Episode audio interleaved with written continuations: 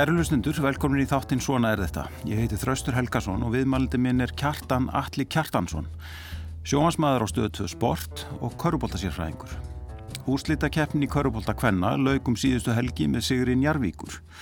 Og um þessa helgi hefst úrslita einvi tindastóls og vals í karlaflokki en úrslitakeppninar hafa báðar vaki mikla aðtikli en það gríðarlega spennandi. Leikin hefur verið glæsilegu körubólti í þessum keppnum og raunar eru flestir sammála um að íslenskur körubólti hafi tekið stórfældum framförum á síðustu árum. Það sést ekki aðeins á leik félagsliðana hér heima heldur einnig árangri landsliða okkar og einstakra leikmanna sem margir hverja leika nú við sterkustu deildir Evrópu. Þessi uppgangur hefur svo endur speiklast í frábæri umfjöllun Kjartans Alla og félaga á stöðu 2 sport síðustu ár. Sú sjóanstöð er einnig heimili NBA Köruboltans en þar stendur nú yfir úslitakeppni í austur og vestu deild sem sjaldan hefur verið jafnspennandi og góð á undanförnum árum. Ég ætla að ræða við kjartan alla um uppgang Köruboltans hér á landi, úslitakeppnir hérlendis og vestanhafs, framfæriðnar undanfærin ár, útrás íslenska Köruboltamanna, spurninguna um fleiri eða færri erlenda leikmenn í íslensku deildinni, afreikstefnuna, átrúnaðagóðin í boltanum og síðast en ekki síst sjómasþætti hans um íslenska Köruboltan sem var lítið eiga þátt í þeim uppgangi sem orðið hefur í íþróttin á síðust árum.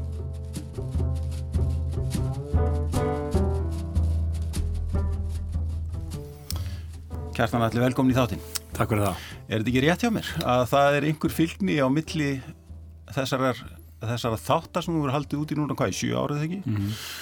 og, og uppgangs í íþróttinni. Það er hérna, sko, ef ég skýr þetta aðeins, það sem ég er að hugsa, þá sko, ég mann, sko, aftur á nýjönda áratífinn þegar ég er að spila og hérna, og þá kemur stöð 2 og fyrir að sína NBA-boltan og, og hérna það hafði gríðarlega áhrif á íslenskan körubólta og yfgöndum fjölgaði mjög mikið og, og, og íslenskan körubólti var bara betri og mér finnst einhvern veginn eins og eitthvað sambarlegt sem gera, hafi gerst sko síðustu sjö ár þannig að þetta er allt í hennu komin bara mjög fagleg og, og flott körgnallis umfjöllun um íslenskan körubólta sem ég held að hafi gert alveg heilmikið fyrir þessu íþrótt. Ég vona það og, og hérna maður veit það náttúrulega aldrei fyrir víst og, og erfitt kannski að fara vera dómar í eigin sög skilur að fara að meta manns eigins verk en manns eigin, eigins verk já. En þetta uh, minn vilji og mitt markmið er bara að vera hluti þá að einhverju keðju til þess að, að ebla íþróttina og ebla íþróttir yfir höfu það er svona bara markmiðum að vera í, í dagsfaggerðum íþróttir að reyna að veita íþróttafólki þá aðtikli sem að manni finnst hjálpa því til að ná betri árangri og líka bara að þjónusta áhörundur mm. Hvernig byrjuðu með þennan þátt?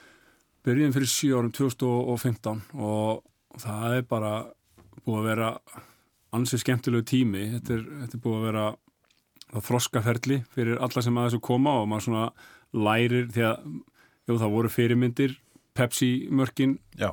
undir stjórn Harðar Magnússonar voru kannski fyrirmyndin mm. að þessu að miklu leiti og svo þættir elendis en svo þar maður bara eins og í svo mörgu í, í fjölmjölum og, og mörgum öðrum störfum að það er svona að rekka sig á sjálfur og, og læra mistökunum og, og reyna að setja allt í gegnum ákveði bestunarferðli og hann er búin að vera rosalega gaman og líka það sem að skipti miklu máli núna í uppgangi Köruboltans eins og komst að í, í inganginum það er að á þessum tíma hefur líka orðið bara í íþróttum yfir höfu svona aukinn fagmennska það eru mm. fleiri sem eru í svo fullu starfi sveitafjöluðin er átt að segja því að þarna er vettvangur fyrir, fyrir börn að læra og annan þau læri í skólanum og þau eru að styðja vel við mörg hverju að styðja vel við íþróttafjöluðin þannig að þetta er svona, svona vera hlekkur í þessari, keði sem að hýfir íþrótta, íþróttastarfið upp er bara mikill heiður mm.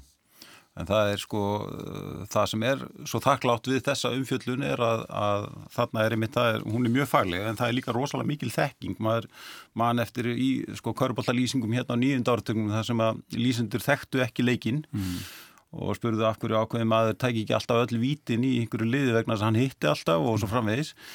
Hérna, en sem sé núna er þetta sko, núna er umfjöllunin, hún er, hún er sem sé grundvölduð á mjög mikil til mjög tölfræðilegri úrvinnslu á, á öllum þáttum leiksins. Mm -hmm. þannig að þetta er mjög svona upplýst umræða oft sér maður sko og greinandi umræða Það er gaman að heyra það. Fólki sem þið eru með þarna í, í útsendingunni þekkir hennar leika algjörlega út og inn og, og sér strax hvað er að gerast og getur útskýrt fyrir árundum. Já, og það er mjög gaman að heyra það og það er náttúrulega frábært úrval af fólki sem að ég fæ að spyrja spjörunum úr og það er alltaf þægilegt að vera svo sem að spyrja spurningana og svo er aðri sem eru með svörin og svo það sem að mér finnst líka kannski vera það sem að við höfum kemst við er að, að það hafa allir sína sín á leikin og, og að lesa, fólk les leikin á mismjöndi hátt og svo er það bara rætt. En þessi tölfræði er einmitt það sem að kannski aðgrinni körubóltan frá svo mörgum öðrum íþrótum að, að, sem við stundum hér á landi því að bandaríkjaman eru mjög framalega í allir tölfræði vinslu og,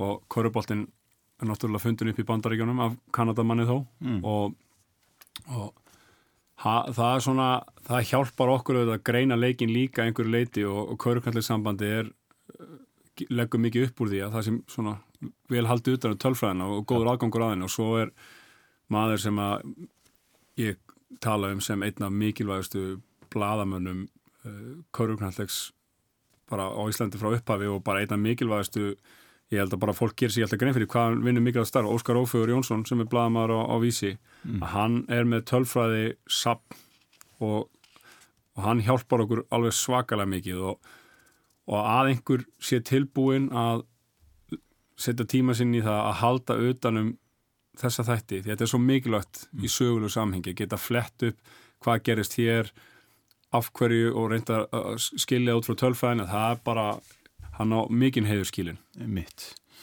hérna, en ég tek eftir því líka sko að, að svona í einmitt umræðu þáttónum sem þið eru með þá eru umfjöldinir oft beitt mm. og það er hérna, það er alveg, alveg hjólað í leikmenn og, mm. og hérna og sko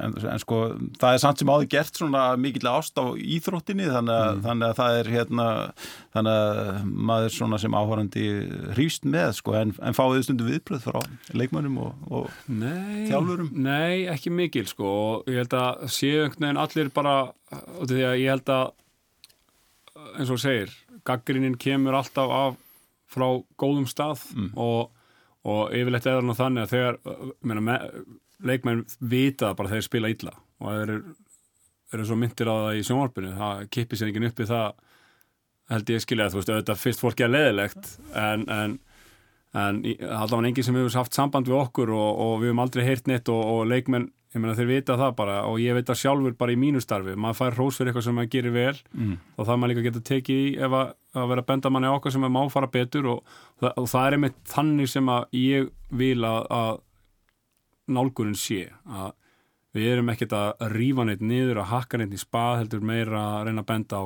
bara koma að fara betur. Hvernig byrjaður þú sjálfur að spila körfölda? Ég fjell fyrir þessari íþrótt eins og sem margir á tíund áratögnum bara snemma á tíund áratögnum Já, já, já, sko ég hérna, ég er fættur 1984 Pappi minn var mikill eh, Boston Celtics aðdáðandi og ég hef alltaf sagt að ég fekk aldrei neitt val. Það var Boston Celtics og Manchester United og hef bara haldið mig við það síðan. Og ég var komið Larry Bird plakat yfir vögguna mína nánast eða badnarúmið þegar ég var ungur, það var greinilega beði eftir því að geta hengt það upp sko. Mm. pappi beði eftir því og mamma. Og hérna, hann er þá svona byrjar Körbólta áhugin bara gegnum pappa, hann vann upp á upp á velli mm. og hann að maður fekk mikið að fregna þann og þetta er náttúrulega svo, fyndi hvernig maður hvernig svona maður skinnjaði íþróttir og sérstaklega þessu korubólta sem var spilaður á allt öðrum tíma við vorum vakandi á mm. hér á árumáður og erum það svo sem ennþá en núna er aðgengi bara miklu betra að maður lærði um íþróttinni gegnum sögur Já. Að vera að segja manni, herður, Larry Bird sagði þetta og svo skauta hann yfir hann og hitti. Já. og þannig að maður ímyndaði sér þetta svo mikið í, höðinu sjálfur og þannig einhvern veginn var ég ástfangin af, af íþróttinni bara út frá þessum, þessum sögum. Og síðan uh, það, uh, voru þessi einvi Keflavíkur og Njarvíkur sem að heitluði mig mikið, pappi, svo ég nefni hann aftur var, hann var keflavíkingur og ég fór mikið á öllin uh, í Keflavíkinni og, og, og þess vegna finnst mér þetta mjög fyndið því ég held mjög mikið upp á mjög marga sem eru núna í körubaltakvöldi með mér. Þannig að maður fekk svona kynast hetjónu sínum sko, Já. sem hefur verið mjög gefandi í svo öllu saman. Og, og síðan sagt, byrja ég bara að það er bóð upp á Körubolt út á Altanesi einu sinni viku, það er uh, íþróttakendarinn í Þorpinu, ég er alveg upp á Altanesi og fann að ég var góður og við nokkru vinnu vorum góðir, þannig að við fórum í hauka sem að, var bara eða næsta leið við og þegar við komum að einhverju haugum þá sjáum við að það eru fleiri góðir og þá læriði við það að við komumst að því að haukar haugi tapa leiki heilt ár og vorum að fara í besta lið á Íslandi Já. og við vorum algjörlega samkendisæður þar og þá hugsaði ég að þetta getur bara verið fyrir mig og, og síðan hef ég ekkert litið um auksl. Nei, einmitt.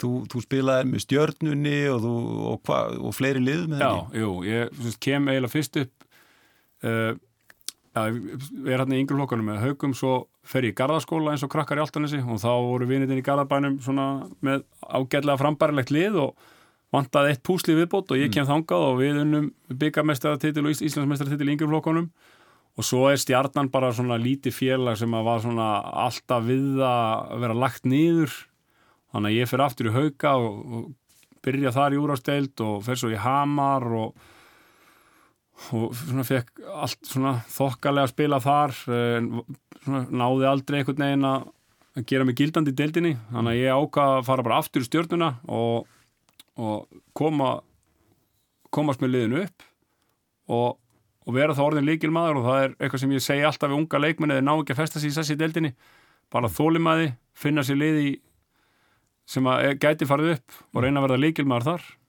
Og, og þá og komast hann inn í deildina, það hjálpaði mér mjög mikið og með stjörnunni þá unnum við, ég var tvo byggamestratitla sem leikmaður og, og svo var ég aðstofþjálfari 2015 þau erum byggamestrar þannig að ég svona fekk að upplifa þessa, þessa upprísju í Garðabænum á, á Köruboltanum. Akkurat.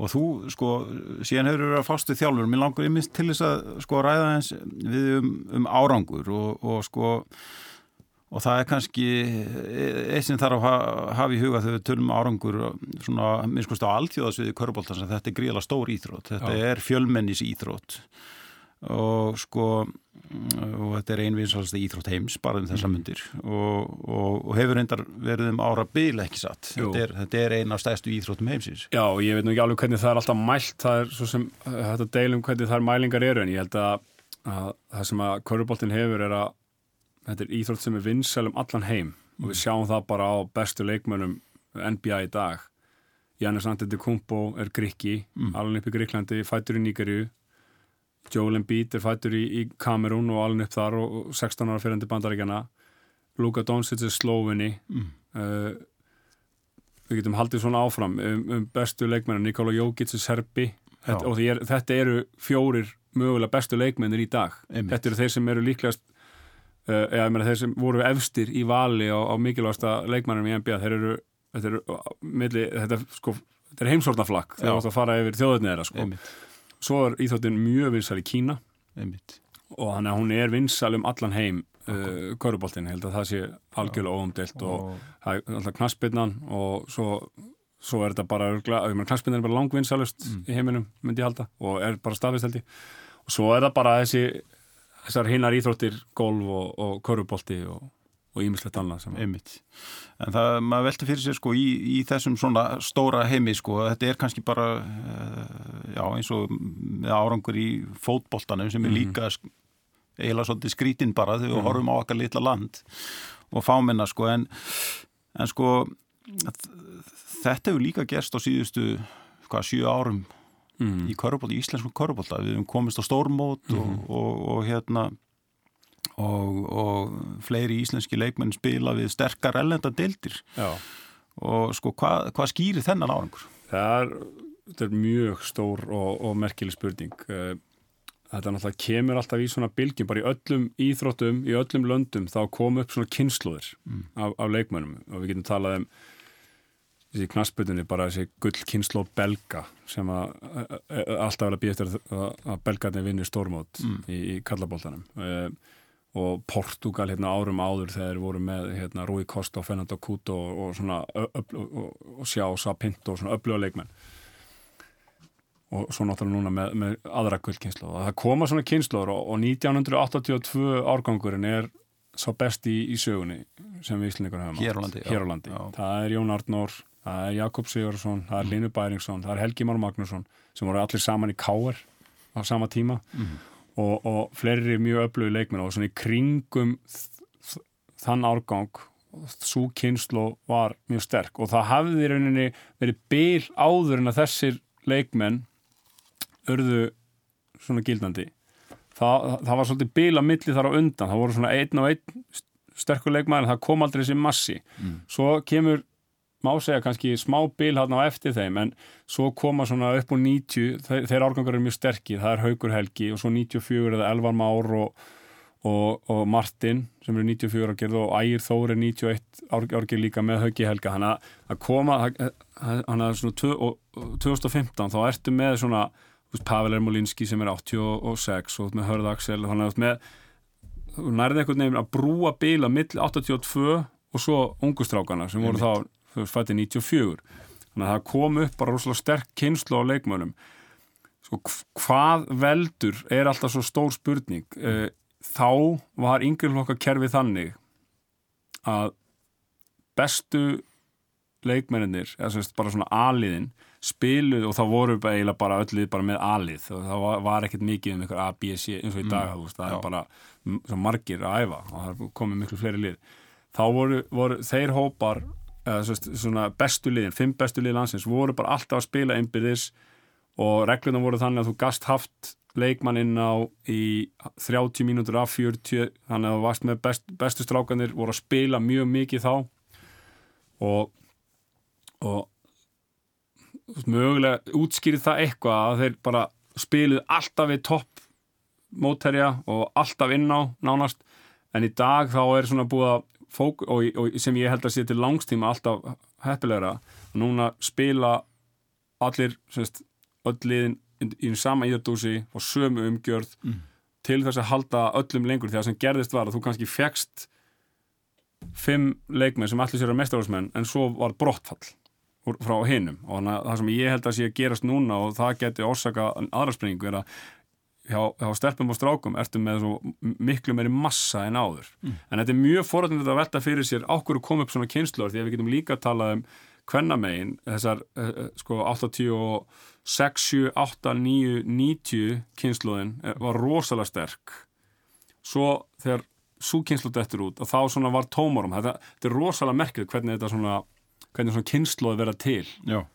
og þá kannski líka eru með það að þú lærir ef það er einhver eitt, tveir leikmenn sem að hækka rána á æfingum eins og Jón Arnón hefur gert fyrir 82 strákana.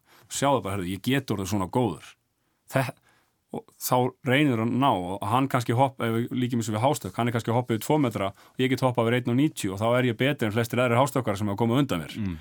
þannig að ég held að, að það mögulega útskýri líka eitthvað að það kemur í svona klösum. Mm innmitt og sko maður veldi líka fyrir sér sko það, það er líka þetta sko að bandrækjumenn voru náttúrulega alltaf sko þrepi ofar Já.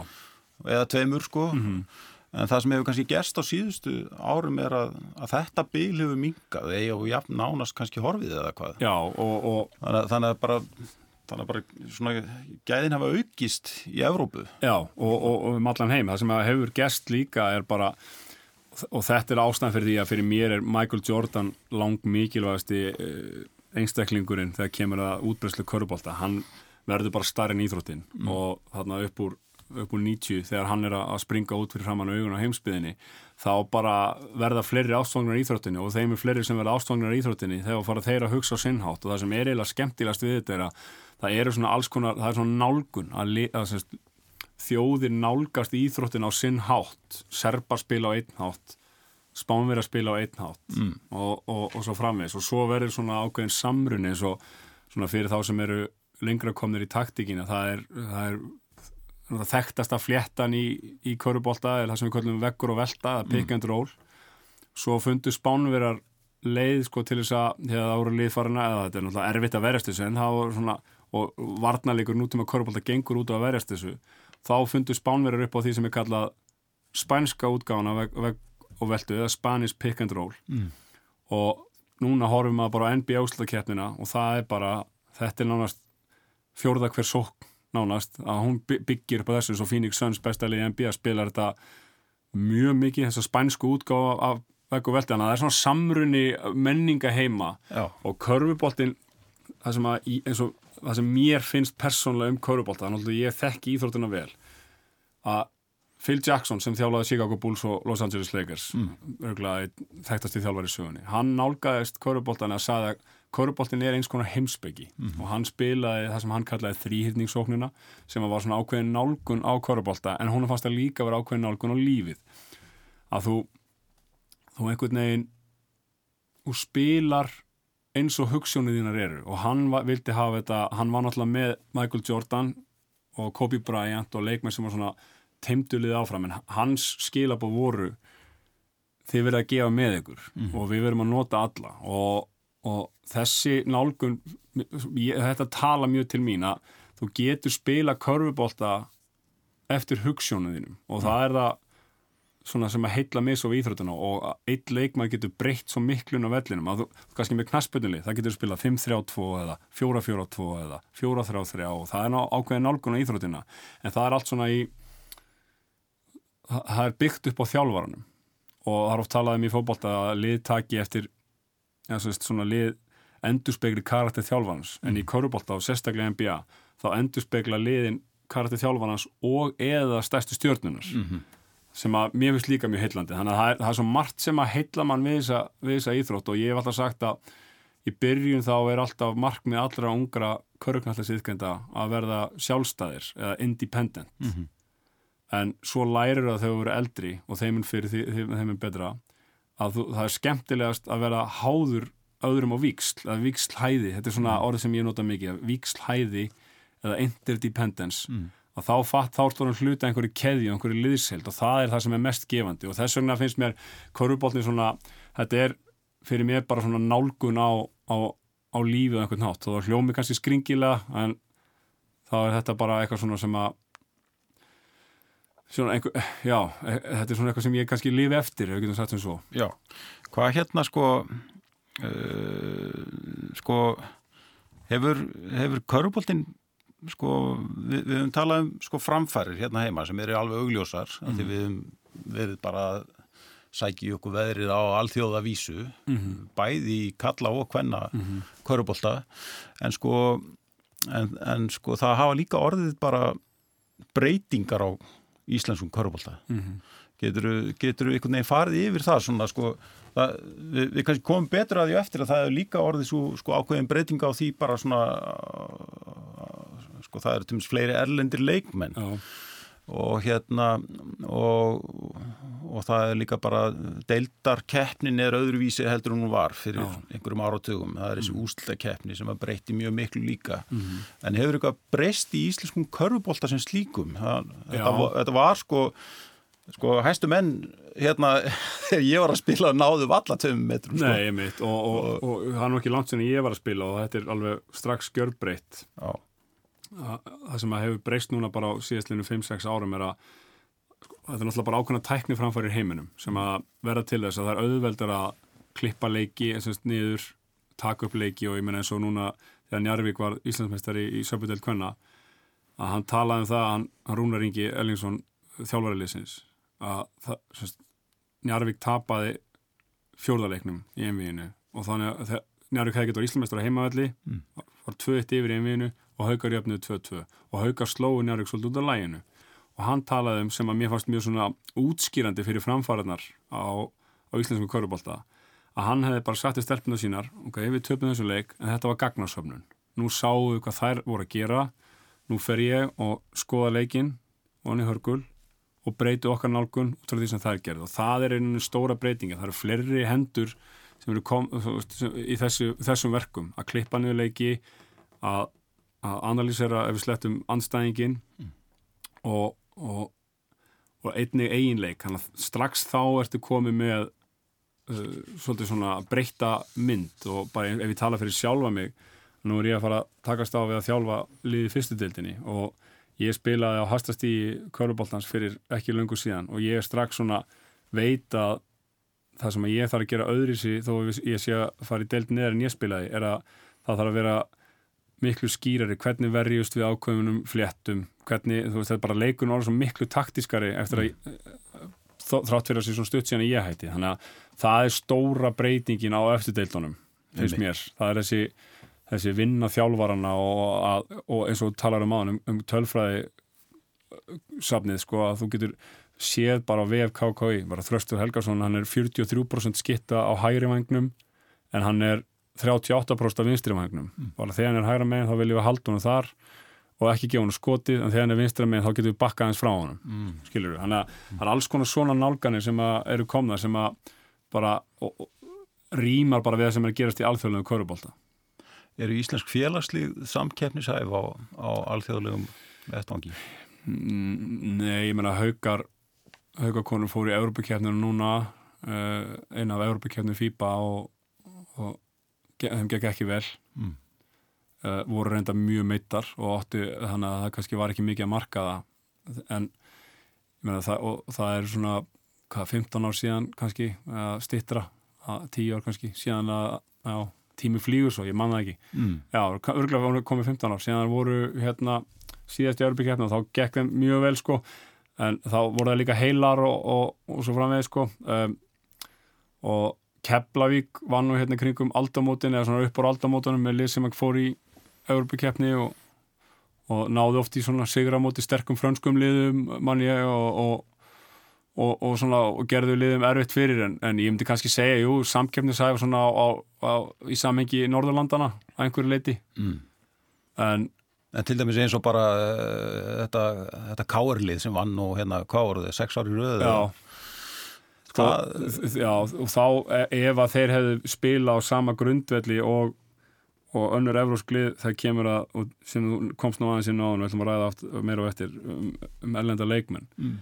að eins og í Þýskalandi þá eru, þá getur við með sex leikmenn sem eru bara, sem eru utan ES, skilur við og það var náttúrulega bandarækjumenn eru bara það miklu betri því að fleiri bandarækjumenn þetta er svo fyndið, en mm. fleiri bandarækju leikmenn er í liðinu þeim betri liðið, nánast Já. sko svo þetta þarf að vera einhver heild og svona en það er bara svo ofbáslegt ofbáslegt magna frambærilegum bandarækjum leikmennum út í að korfuboltin er svo risastóri í bandarækjónum og það er svo mikið að háskóla liðum og það er svo mikið að þjálfurum sem eru góðir að, að þróa leikmenn að, að það, það eiginlega bara fer eftir reglunum, ég meina káaliðið sem vann hérna var ótrúlega gott með góðan kjarná og þau bætt hún á það og vissulega hefði það liðið geta kæft við einhverja. En, en eins og regluverki var þá með, þá máttur þau bara með einn ellenda leikmann sama hvað, það var bara fjóri pluss einn eins og hétt að þá var þetta bara þá var það erfitt, ég meina ekkert land geti kæft þannig við, við lið, lið frá öðrum landum sko. En uh,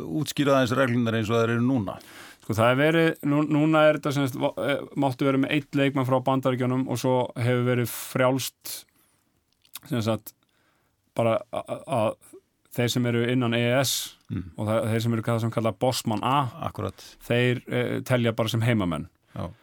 en í íslensku körubólta hefur verið mikil umræða um að reyna að finna einhverja löst því að þetta þarf að, þarf að vera ákveðið samspil ég segja íslenska, íslensku deildunar eiga að vera einhverja þróunadeildir skiluru, til, mm. til langstíma og hér eiga leikmennu, svo við sáum á síðustu leikti Styrmisnæði Þrastarsson mm.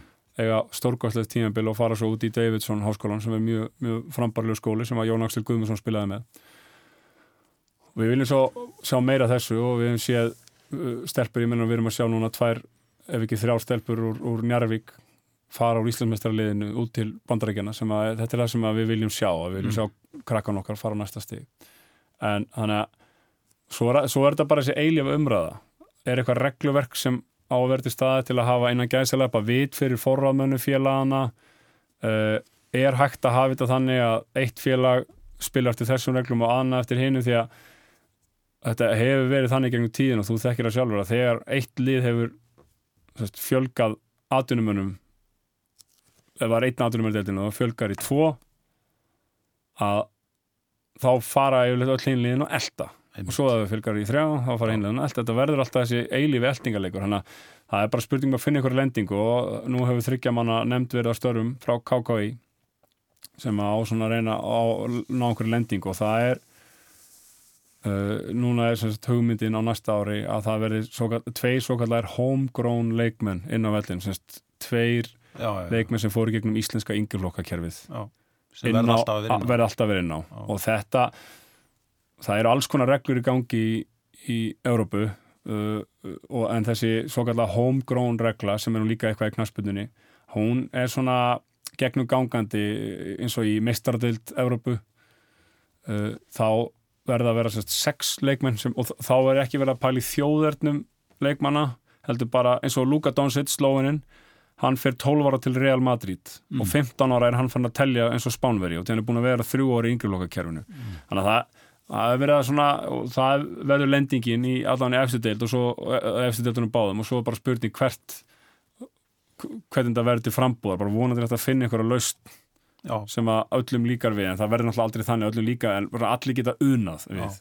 En það er sko uh, bara eins og úrslutakefni núna þetta er rosalega skemmtilegu körpulti það hefur mm. verið að spila mjög góðan körpulta Já, það, og það er bara algjörlega þannig. Þannig að En, og, og svo ég, það, maður sé stundum fjóra erlenda leikminn inn á og einn ein íslenskan. Einmitt, og ég segi bara það sem ég held að galdurinn sé því við hefum séð núna undanfærið tvö tíðanbíl Þór Þólarsöfn er markverða árangri að vera fjórða félagið Valur verður meistari 1983 í maður rétt, Haukar 88 Tindasól 2010 og svo Þór 2020.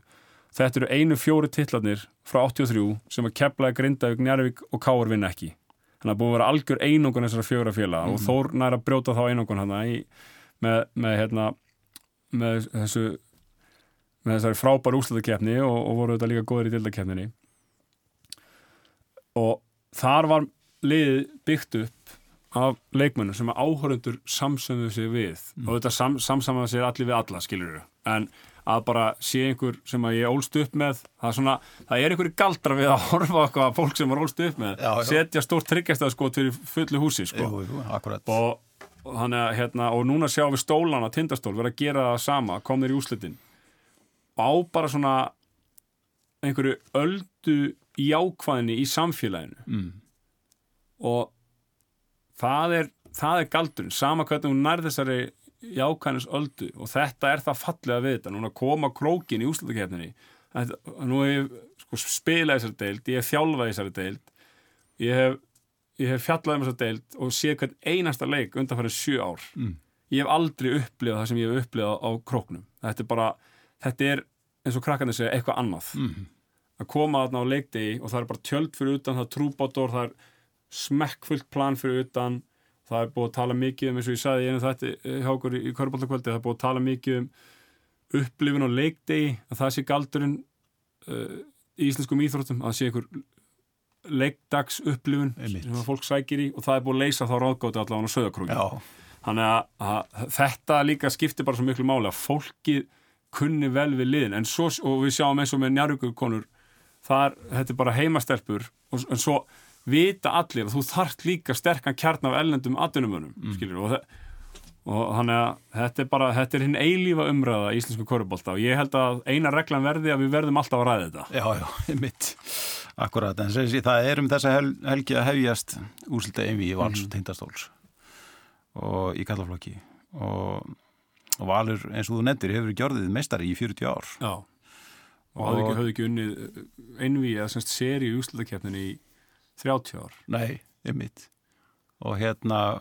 og undanförinn tvö ár gert mjög alvarlegar allugur að þessu og text núna að komast í úrslutaleggin mm -hmm. komið þetta öður óvart að þessi tvö lið myndu komast allar leið? Sko, fyrir tímabilinni eða sko, já, á stólarni varu komnir kemur mér óvart því að, hérna, og sérstaklega með svona spilamennskuna framan að tímabili á stólunum og, og ég held að bara björtustu vonir fólks á söðokróki hafa ekki gert ráð fyrir þessu þeir, þeir allra bjart sér þeir, þeir eiga náttúrulega sko alveg gríðalega endarsbreytt og klára deildina mjög vel og koma já. svona, eins og maður segir svona á ferðinni í úslutakefninu það er ofta erfitt að eiga við lið sem að finna sjálfströst aftur dæmum hvernig korruboltin virkar. Ef þú ert með sjálfströst, það líður vel með skoti, þá ertu líkleri til að hitta. Það er bara það, það er fegurinn við hennar leik. Já valsmenn náttúrulega með vali manni hverju rúmi voru einhvern veginn ekki búin að finna taktin og svo smallir þetta líka hjá þeim að horja tíma og, og, og þeir eru náttúrulega með alla þessa reynslu og þessa,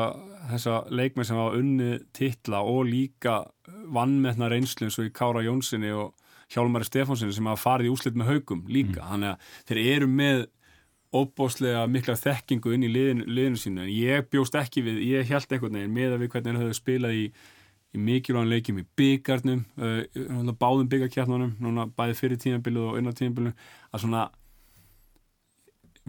sá þetta ekki virka svona vel í úslakjarninu, svo smallita og þá þá lítur þetta svo reykjala vel út Já, einmitt Hva, Hver er svona hérna munurinn á þessum tömulið?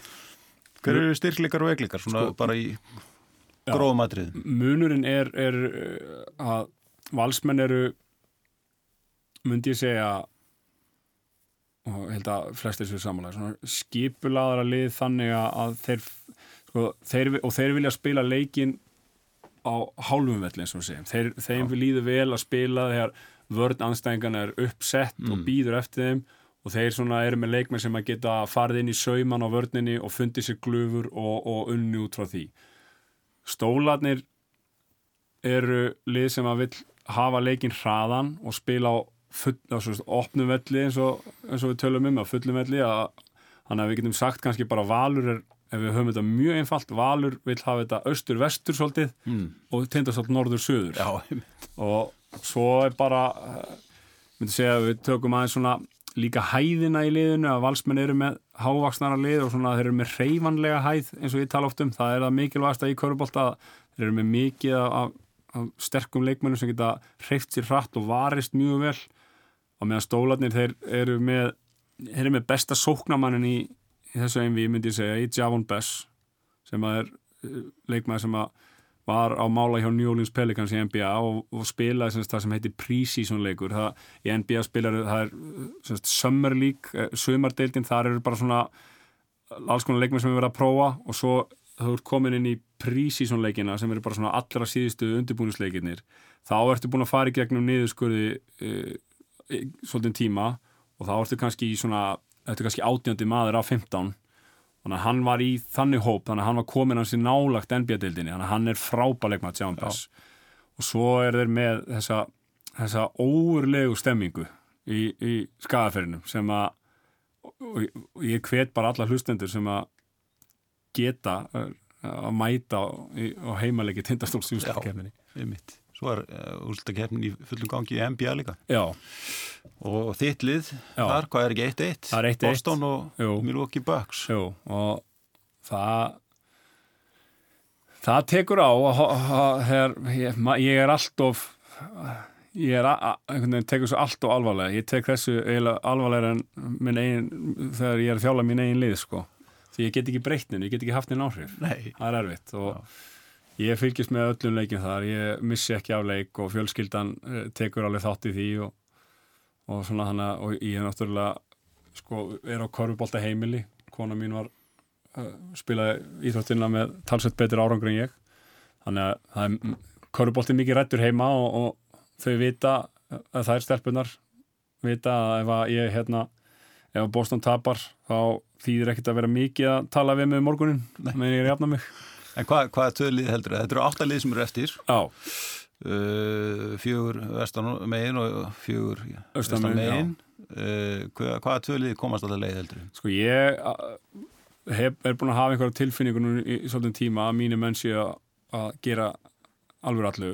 Ég ætla bara að halda mig við það. Mm. Er að vissu, vissu mjög hlutdrægur það kemur að því og er sjálfur að vonast til þess að geta gert það að þú veist að þeir allavega fari áfram á þessari umferð því að ég næ ekki að fara út fyrir að öllu loki hérna og ég vil sjá þá ég vil Já. fara á leiki úslakefninu eh, gert það áður og, og alltaf fengið sigur þannig að ég þarf eiginlega að mæta á, á svæðið til þess að geta haft einhver jákaðarhug uh, þannig að ég held að segja Boston og ég bara Phoenix Suns er búið að vera besta liði vettur og og ég vona að bara svona korfubóltans vegna því að það er oft talað um í NBA þá ertu deltakeppnislið og úslakeppnislið þetta er svona umræð sem að mér finnst stundum frekar ofur einfölduð mm. og ég vona bara að við sem að horfum á deltakeppnina fáum að njóta þess að sjá lið fara alla leið. Já, einmitt En er ekki, er ekki, sko, er það þín tilfinning líka að, að sko, NBA-deltin er á svona góðum stað núna? Hún er á mjög góðum stað. Það er mjög mikið að sterkum liðum. Já, og það er náttúrulega, sko, það eru oftur, ég, ég pæli aðeins svo mikið í þessu veldi, þannig að ég er með alls konar pælinga um, um þetta. Það er náttúrulega,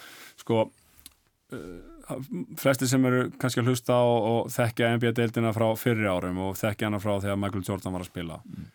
Uh,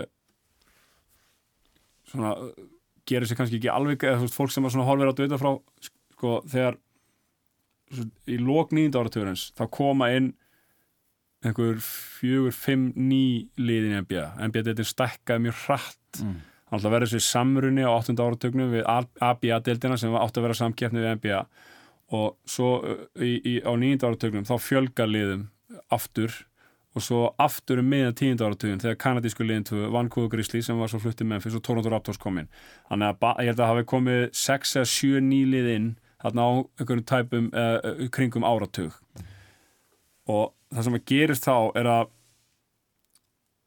er að, að fjöldi leikmanna sem kunna korfubólta á, á þessu stíð er alltaf svo sami þannig að það, það dreifist aðeins meira gæðaleikmyndið fór að byrja að dreifast meira Já. Og þannig að það verða færri gæðaleikmenn í hverju liði. Og núna er semst fjöldin búin að vera hins samir, búin að 30 lið mjög lengi í deildinni. Og ekki stækka og ekki neinn nýlið komið inn og, og svona, það voru 29 tíma og þannig að þetta er búið að gerast mjög hægt núna þessi, þessi fjölgunliða á móti kemur er sem sagt úrvalega leikmönnum, ekki lengur einskorað við bandaríkin og allra bestu eurósku leikmennina og afrísku heldur bara úrvalega orðið allur heimurinn. Mhm. þannig að ef við slettum talentpúlið Mm. er stærra Mm. en það var þá. Liðin eru búin að halda fjöldi liðar haldist til að sá hinn sami. Svo það sem hefur líka gæst er að bandaríkjaman nálgast íþróttir á annan hátt en, en til dæmis evrósk, evróski þjálfarar bandaríski þjálfarar. A, og, og, og bara frá öðrum heimslutum að ég held að knaspinnan hafi mjög mikil áhrif á svona taktíska nálgun okkar hinna. Um, og það svo hefur það smitast aftur út í eins og við talaðum með, með spænska spænska útgáfana vekk og veltu og svo líka bara varnir, það eru öðru sér varnirspilar núna er meira um svæðisvarnir í NBA heldur, það var náttúrulega að banna á tíund Já. áratugnum þannig að það er alls konar svona heimurinn hefur haft mikil áhrif á NBA og stækka einhvern veginn allt og, og þjálfarnir sækja mikið innblástur Nick Nurse sem var meistari með Toronto Raptors fyrir nokkrum árum síðan hann var að þjálfa á Englandi þannig að það er svona það er aðstofþjálfara sem koma frá euróskum löndum uh, og, og svona og þetta þannig að ég, myndi segja að það sé svona svolítið stór breyting í NBA að það er þessi, þessi alheimsvæðing deildarinnar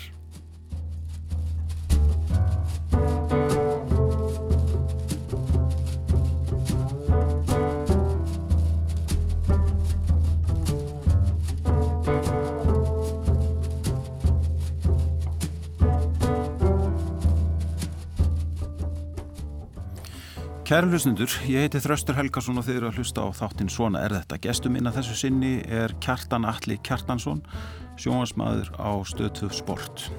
Í þessum þáttum hefur við rætt við forunilegt fólk úr ímsum kemum samfélagsins um reynslu þess og viðhorf. Andri Snær Magnason rætti um virkjun Vassafls. Hægt er að hlusta á Svona er þetta í spilar rúf og í öllum helstu hlaðvarps veitum. en orkubransin er alltaf einhvern veginn að stilla sér upp með einmitt þetta, við þurfum að tvöfalda. Mm. það, það er alltaf þessi það er alltaf þessi, þetta off-force sem hættir aldrei. Þannig að, þannig að menn tvöfalda og ætla svo tvöfalda aftur. Og einu sinni orkubransin þarf alveg svakalega að horfa í einn barm og gera upp fortíðina. Mm. hvernig hann hagaði sér og hefur hagað sér á síðustu 20-30 árum. Og, og bara taka til í, í hvaða hugarfar ríkir þar og, og hvernig lögin hafa verið sett upp og hvaða tjóni það hefur valdið orkubransanum sjálfu.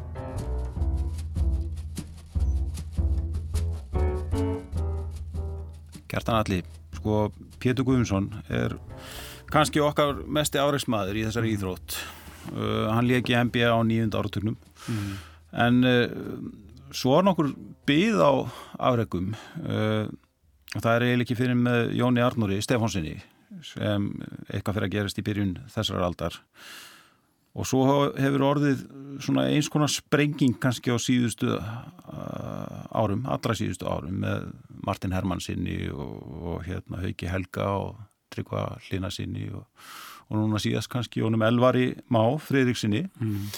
sko en sko hvers vegna komast íslenski leikmenn ekki í NBA? Þetta er frábær spurning Eh, Þetta er náttúrulega þarf ákveðna heppni Mm.